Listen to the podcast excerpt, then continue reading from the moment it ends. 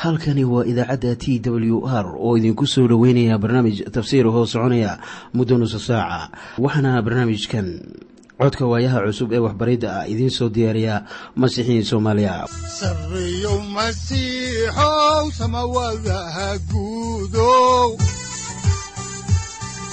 siraadkii adduunkow subanaha eebow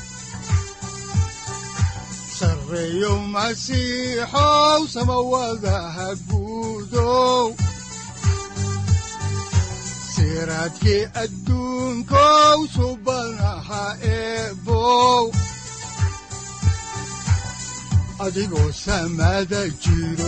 ifkan soo saldhiganba adigoo ifkan soo saldhiganba kutubtiisanaye udanogu saaciiday ku soo dhowaada dhegaystayaal barnaamijkeenna dhammaantiinba waxaan horay u sii ambaqaadi doonnaa daraasaadkii la magac baxay baibalka dhammaantii. Waxaannu caawa idiin bilaabi doonnaa cutubka shan iyo labaatanaad oo mawduuca uu ka hadlayana uu yahay afartanka karbaash. Daafacaadda carmalka xukunka iyo eeddii lagu soo rogay reer camaleekh. Waxaanan cutubkani uga gudbi doonnaa kan lix iyo labaatanaad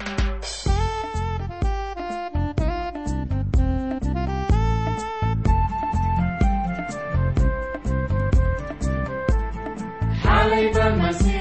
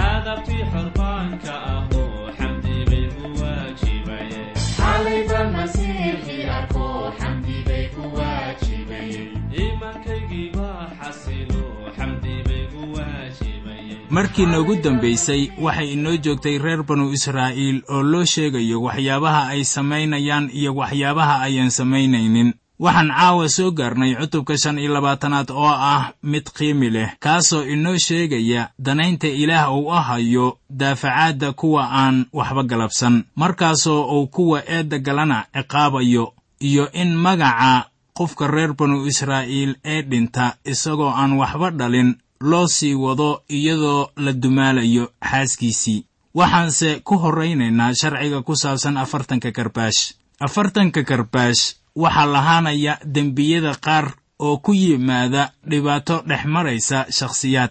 Waxaan u malaynayaa in dembiyada caynkaas ah loogu yeedho falalka fudud. Falalkaasu ma ahan kuwo khatar ah oo keenaya xukun dil ah. Haddaba dembiyadaasu waxay leeyihiin ciqaab iyaga gaar u ah si aynu taas wax kaga ogaanno ayaa waxaa habboon inaannu eegno cutubka shan iyo labaatanaad aayadihiisa kow ilaa saddex.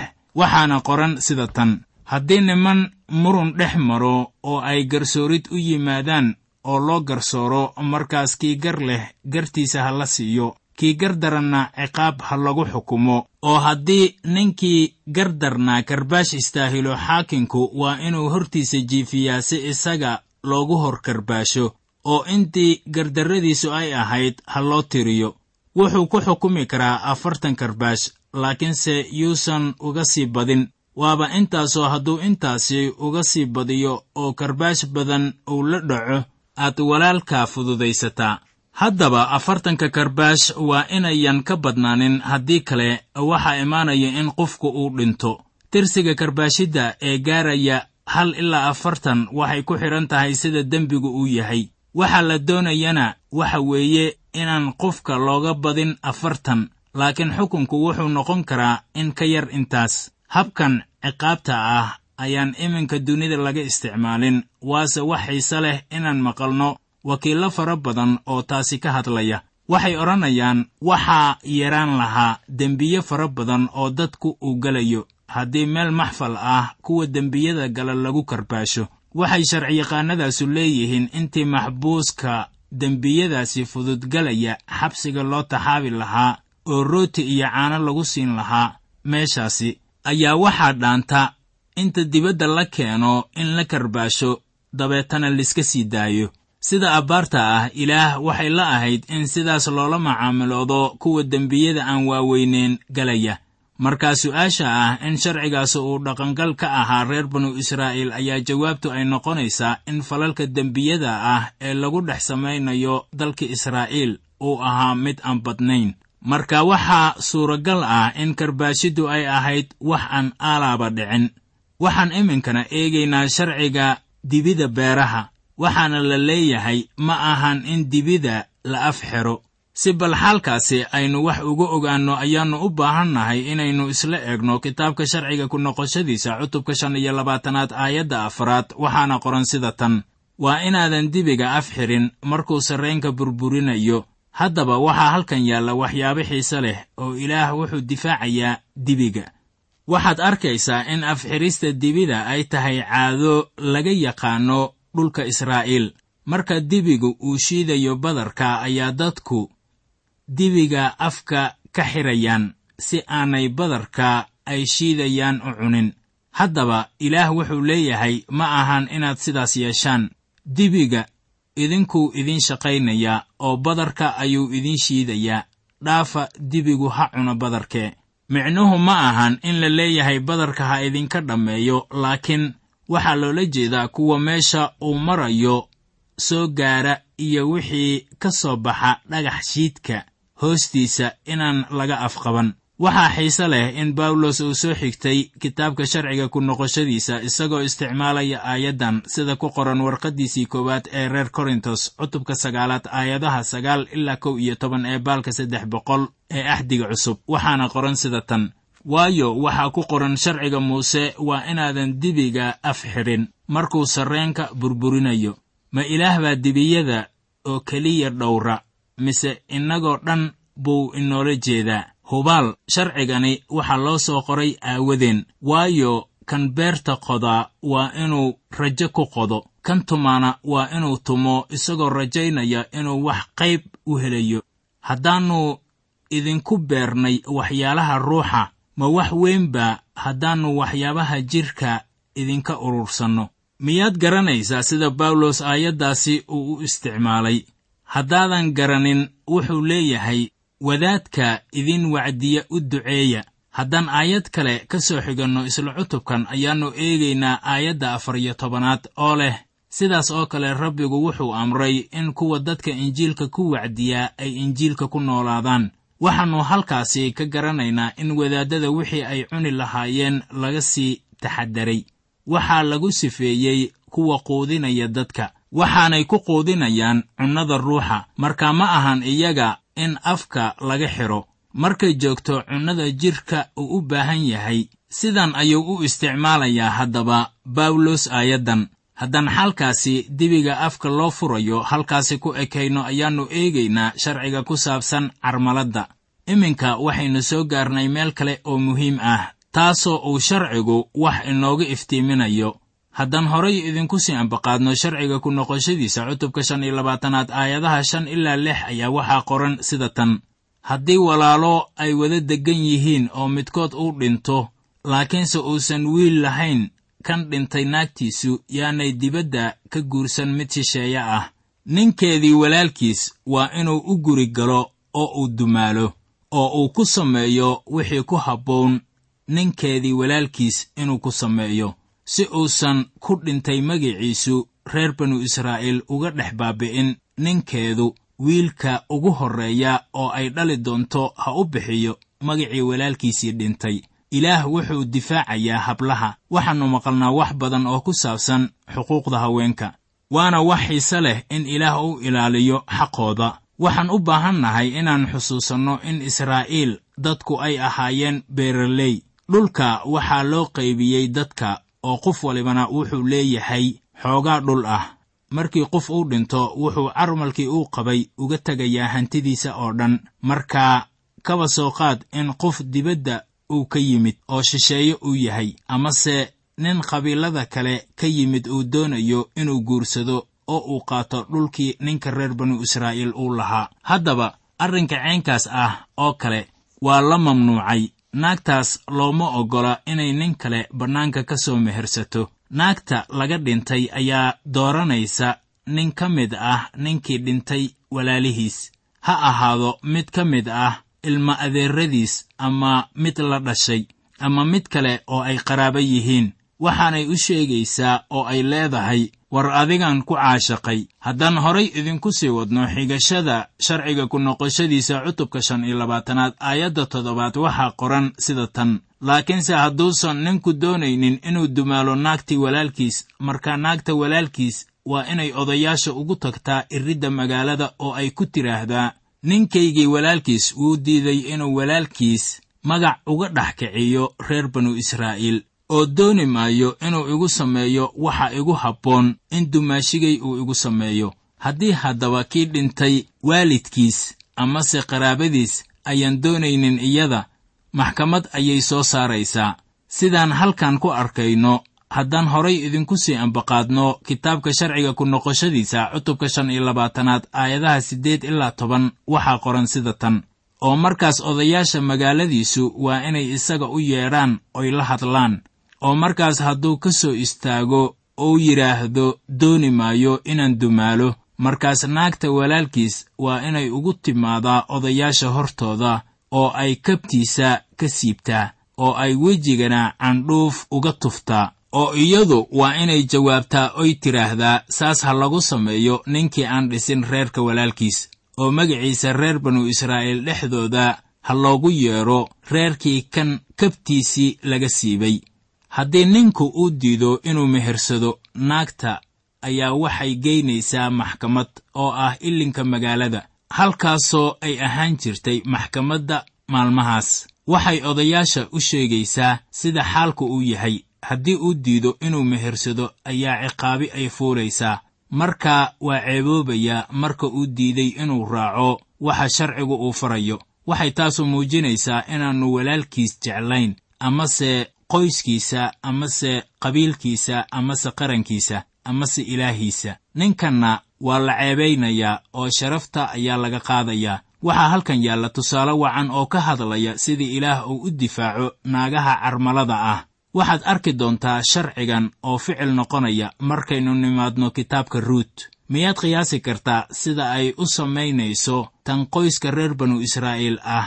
Kaba soo qaad in afar walaalo ah ay deggan yihiin dhulka reer efraayim waxayna halkaasi ku leeyihiin beero. Mid ka mid ah ayaa naag doonaya. Waxaa markaasi kuwii naagta laga soo doonay ay eegayaan dhulka ninku leeyahay sida caafimaadkiisu yahay iyo qabiilka uu ka tirsan yahay. Markii waxaas oo dhan ay hubiyaan wiilka gabadha soo doonay waa la siinayaa habkaasina waa mid ilaah uu ku difaacayo qoyska. In weliba la difaaco in naagtu ay carmal noqoto. Haddaba habka ilaah waxaa la difaacayaa dhulka iyo naagta laga dhintay. Kaasuna waa sharci wanaagsan. Haddaan horay idinku sii wadno ayaannu eegaynaa xukunkii lagu soo rogay reer camaleeq haddaan horay idinku sii wadno xigashada kitaabka ayaannu haatan eegaynaa kitaabka sharciga ku noqoshadiisa cutubka shan iyo labaatanaad aayadaha toddoba iyo toban ilaa sagaal iyo toban sida tan. Bal xusuusta wixii ay reer camaleeq idinku sameeyeen markaad jidka soo socoteen oo aad masar ka soo baxdeen iyo siday jidka idinkaga hor yimaadeen oo ay u laayeen dabaadigiinnii kuwaas oo ahaa kulli intiinnii taagta darnayd oo dambaysay markaad tabarta darnaydeen oo daallanaydeen iyagose ilaah kama ay cabsan. Sidaas daraaddeed markii rabbiga ilaahiinna ahu idinka nasiyo cadaawayaashiinna hareerihiinna ku wareegsan oo dhan. Idinkoo jooga dalka rabbiga ilaahiinna ahu uu dhaxal idiin siinayo. Inaad hantidaan aawadeed waa inaad reer camaleeq ka baabi'isaan inta samada ka hoosaysa oo taas ha iloobina. Israa'iil waxaa dhib uu ka soo gaaray reer camaleeq markii ay joogeen refidiin waana dagaalkii nebi muuse iyo haaruun ay saarnaayeen buur xor. Markaasoo haaruunna uu qabanayay gacmihii nebi muuse markii uu ilaah baryayey markii gacmihiisa uu kor u qaado reer banu israa'iil baa guulaysanayey markii uu gacmaha hoos u dhigana waa laga adkaanayey reer banu israa'iil. Ugu dambayntii waa laga adkaaday reer camaleeq. Ilaahna hadal buu markaas yidhi oo wuxuu yidhi waxaan xusuusta reer camaaleeq waxaan ka baabi'in doonaa samada hoosteeda. Sidaan horay idinku sheegay reer camaaleeq waxay u taagan yihiin jidhka waana dabeecaddii hore ee aadan aynu ka dhaxalnay. Ilaah weligiisba wuxuu doonayaa inuu dabeecadihii hore baabi'iyo suuragalna noqon mayso in samada lala aado dabeecaddaas ama jidhkii hore. Aniga iyo adiga waxaannu leennahay dabeecad hore oo aan marnaba ilaah addeecsanayn waxaannu si baahsan kaga warrami doonnaa xaalkan. Markii aynu soo gaarno waraaqaha bawlos uu u kala dirayey kiniisadihii hore khaasatan warqaddii rasuul bawlos uu u qoray dadka reer rooma. Reer camaaleekh waxay u taagan yihiin jidhka inta aynu dunidan joogno jidhkii hore waynu sii haysanaynaa. Waayo wuxuu rabbiga ku dhaartay inuu reer camaaleekh la dagaalami doono qarni waliba. Ha iloobin in reer camaaleekh ay u taagan yihiin haddaba jidhka waxaynu ku aragnay cutubka saddex iyo labaatanaad in jidhka aannu ahayn inaan liidno ama uga gudubno markaan suufi noqonno ama garaacno ama quduus noqonno. Taasina waxba ku kordhin mayso ama ka dhimi mayso jidhka iyo damacyadiisa sharka ah. Laakiin waxaannu u baahan nahay inaan aqoonsanno inuu jiro dagaal gudaheenna ka socda. Waa dagaal u dhexeeya ruuxa iyo jidhka waxaa ku qoran warqaddii rasuul bawlos uu u qoray dadka reer galaatiya cutubka shanaad aayadda toddoba iyo tobanaad sida tan. Waayo damaca jidhku waa ka gees ruuxa ruuxuna waa ka gees jidhka maxaa yeelay kuwanu waa kala gees si aydnaan u samayn waxyaalaha doonaysaan. Innagu kama guulaysan karno jidhka innagoo dagaalamayna laakiin waxaan kaga adkaanaynaa ruuxa ilaah. Ruuxa ilaah oo keliya ayaa soo saari kara midhaha ruuxa ee nolosheenna. Sayidka ayaa wuxuu leeyahay waxaan xusuusta. Reer camaaliq waxaan ka baabi'in doonaa samada hoosteeda. Waxaan markaasi ilaah ugu mahdinayaa inuu maalin ka baabi'in doono damacyada jidhkayga iyo kuwaaga haddaan durbadiiba idiin bilowno cutubka lix iyo labaatanaad oon isna si kooban looga hadlayo ayaa cutubka ka kooban yahay hal mawduuc oo ah midhaha koowaad ee beeraha ka soo go'a oo laga mahad celinayo. Cutubkan ina hor yaal wuxuu u taagan yahay quruxda xeerka ku saabsan ama la xidhiira qurbaanka midhaha ugu horreeya iyadoo la qirayo in midhaha dhulka ka soo go'ay ay ka yimaadeen ilaah. Oo la caddaynayo ka mahadnaqidda wanaaggiisa ayaa israa'iil waxay ilaah u keenayaan qayb ka mid ah midhaha ugu horreeya ee diyaarka noqda. Si bal aynu xaalkaasi wax uga ogaanno ayaannu eegaynaa kitaabka shanaad ee muuse oo loo yaqaano sharciga ku noqoshadiisa cutubka lix iyo labaatanaad aayadaha kow ilaa afar waxaana qoran sida tan. Oo markaad geshid dalkii rabbiga ilaahaaga ahu uu dhaxalka kuu siinayo oo aad hantido oo aad dhex degto waa inaad keentaa midhaha dhulka kuwa ugu horreeya oo dhan kuwaasoo aad ka guran doonto dalka rabbiga ilaahaaga ahu uu ku siinayo. Waa inaad sambiil ku riddaa oo kolkaas waxaad tagtaa meesha rabbiga ilaahaaga ahu uu u dooranayo inuu magaciisa halkaasi dhigo oo waa inaad u timaadaa wadaadka waagaasi joogi doono oo waxaad ku tidhaahdaa waxaan maanta u qirayaa rabbiga ilaahaaga ah inaan imid dalkii rabbigu ugu dhaartay awowayaasheen inuu ina siinayo oo markaas wadaadku waa inuu sambiisha gacantaada ka qaadaa oo uu hordhiga meesha allabariga oo rabbiga ilaahaaga ah. Marka uu keenayo qofka qurbaankiisa midhaha ugu horreeya ee uu siinayo ilaah waxay ahayd inuu eego deeqda ilaah siiyey dadkiisa markii uu ka soo samata bixiyey xasuuqii ka haystay dhulka masar oo uu keenay dhulkan barwaaqada ah ee uu u ballanqaaday. Haddaan horay idinku sii wadno xigashada kitaabka oo aan eegno sharciga ku noqoshadiisa cutubka lix iyo labaatanaad aayadda shanaad waxaa qoran sida tan. Oo markaas waa inaad jawaabtaa oo rabbiga ilaahaaga ah hortiisa ka tidhaahdaa aabbahay wuxuu ahaa mid reer suuriya ah oo warwareega wuxuu ku dhaadhacay masar oo halkaasuu degay isagoo reerkiisu yar yahay oo halkaas wuxuu ku noqday quruun weyn oo xoog badan oo tiro badan. Waxaa jira wax halkan laynoogu sheegay oo aan doonayo inaad ogaataan. Iyagoo leh aabbahayo wuxuu ahaa reer siiriya. Haddaba haddii aan su'aal idin weyddiiyo nebi ibraahim ma reer banu israa'iil buu ahaa. Maya isagu reer banu israa'iil ma ahayn. Isxaaqna reer banu israa'iil ma ahayn. Oo welibana farsamo ahaan yacquub reer banu israa'iil ma ahayn. Haddaba dadkii badnaa ee masar yimid waxay ahaayeen reer suuriya. Ibraahim ma ahayn reer banu israa'iil oo welibana carab ma ahayn. Maadaama israa'iil iyo carabtuba ay ka soo farcameen isaga. Nebi ibraahim wuxuu noqonayaa reer siiriya qaran ahaan haddaan horay idinku sii wadno xigashada kitaabka sharciga ku noqoshadiisa ayaannu eegaynaa cutubka lix iyo labaatanaad aayadaha lix ilaa toban. Waxaana qoran sida tan. Markaas masriyiintii wax xun bay nagu sameeyeen oyna dhibeen oo waxayna saareen addoonnimo culus oo annana markaasaannu rabbiga ah ilaahii awowayaashayo u qeeshannay. Kolkaasaa rabbigu codkayagii maqlay oo dhibkayagii iyo hawshayadii iyo dulmigii uu arkay. Markaasaa rabbigu dalkii masar nagaga soo baxshay gacan xoog badan iyo cudud fidsan iyo cabsi weyn iyo calaamooyin iyo yaabab oo meeshaan buuna keenay oo wuxuuna siiyey dalkan oo ah dal caano iyo malab la barwaaqaysan oo haatan rabbiyow waxaan keenay dhulkii aad i siisay midhihiisii u horreeyey kolkaas waa inaad midhaha hor dhigtaa rabbiga ilaahaaga ah oo aad ku sujuuddaa rabbiga ilaahaaga ah hortiisa. Reer banu israa'iil waxay u ahaanaysaa wakhtigaas wakhti ilaah loo shukriyo. Welibana masiixiyiintu maanta ilaah way u shukriyaan marka ay isugu yimaadaan kiniisadaha oo ay ilaah wada ammaanayaan. Dalal waxaa jira sida israa'iil oo kale oo leh maalin gaar u ah u mahadnaqidda ilaah dalka maraykanka waxaa jirta maalin ay u yaqaaniin tankisgivin qaybta labaad ee cutubkan ayaa waxay ka hadlaysaa amarka ah in reer banu israa'iil ay caabudaan ilaah. Haddaan horay idinku sii wadno xigashadii ayaannu eegaynaa kitaabka sharciga ku noqoshadiisa cutubka lix iyo labaatanaad aayadaha laba iyo toban ilaa saddex iyo toban. Waxaa qoran sida tan.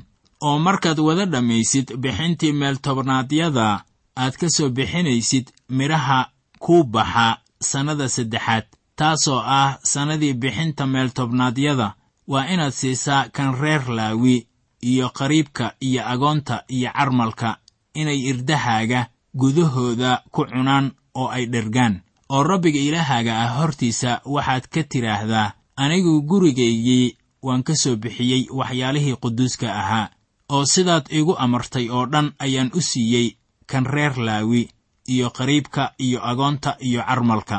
Amaradaadii midna kuma xadgudbin mana aanan iloobin iyagii. Waxay ahayd in reer banu israa'iil ay dhowraan xukuumaddiisa. Wuxuu kaloo ka ballanqaaday inay u noqdaan dad qaas ah iyo inuu ka sara mariyo qurumaha kale ee dhulka jooga oo dhan. Intaas ayuu ku soo xirmayaa cutubkan lix iyo labaatanaad oo mawduuciisu uu ahaa ka mahadnaqidda iyo waxbixinta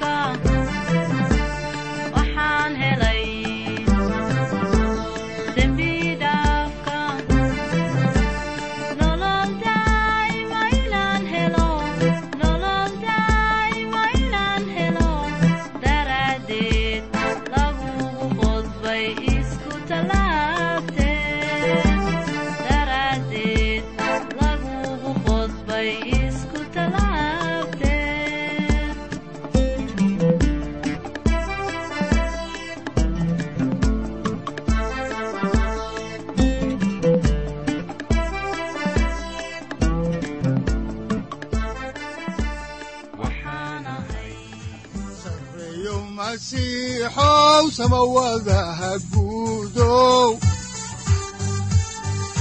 siraadkii adduunkow subanaha eebow.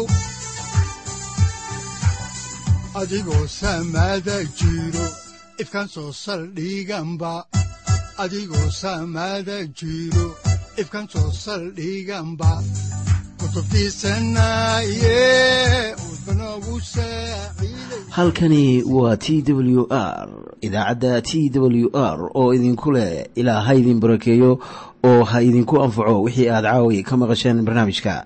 Waxaa barnaamijkan oo kalea aad ka maqli doontaan habeen dambe hadahan oo kale haddiise aad doonaysaan in aad fikirkiina ka dhiibataan wixii aad caawi maqasheen ayaad nagala soo xiriiri kartaan som t w r at t w r c o k e haddii aad doonaysaan in aad dejiisataan oo kaydsataan barnaamijka ama aad mar kale dhegaysataan fadlan mar kale booqo www t w r o r g amase www t t b t w r o r g. Amase waxaad teleefoonkaaga ku kaydsataa ama ku download garaysataa agabyada ku sahli karaa dhegeysiga t w r haddii aad doonayso in laga kaalmeeyo dhinacyada fahamka kitaabka amase aad u baahan tahay duco fadlan fariimahaaga soo mari bogga aaraahda ama kommentska inana jawaab degdeg ah ayaanu ku soo diri doonaa amase ku siin doonaaye.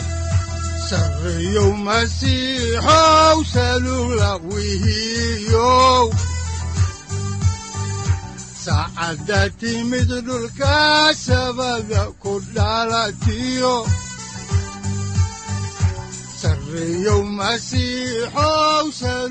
halkani waa t w r oo idiin rajaynaya habeen baraare iyo barwaaqaba leh inta aynu ka gaari doono wakhti aynu ku kulanno barnaamij la mida kan caawayay aad maqasheen waxa aan idinku leeyahay nabadda ciise masiix ha idinku badato xagga jirka iyo ruuxaba aamiin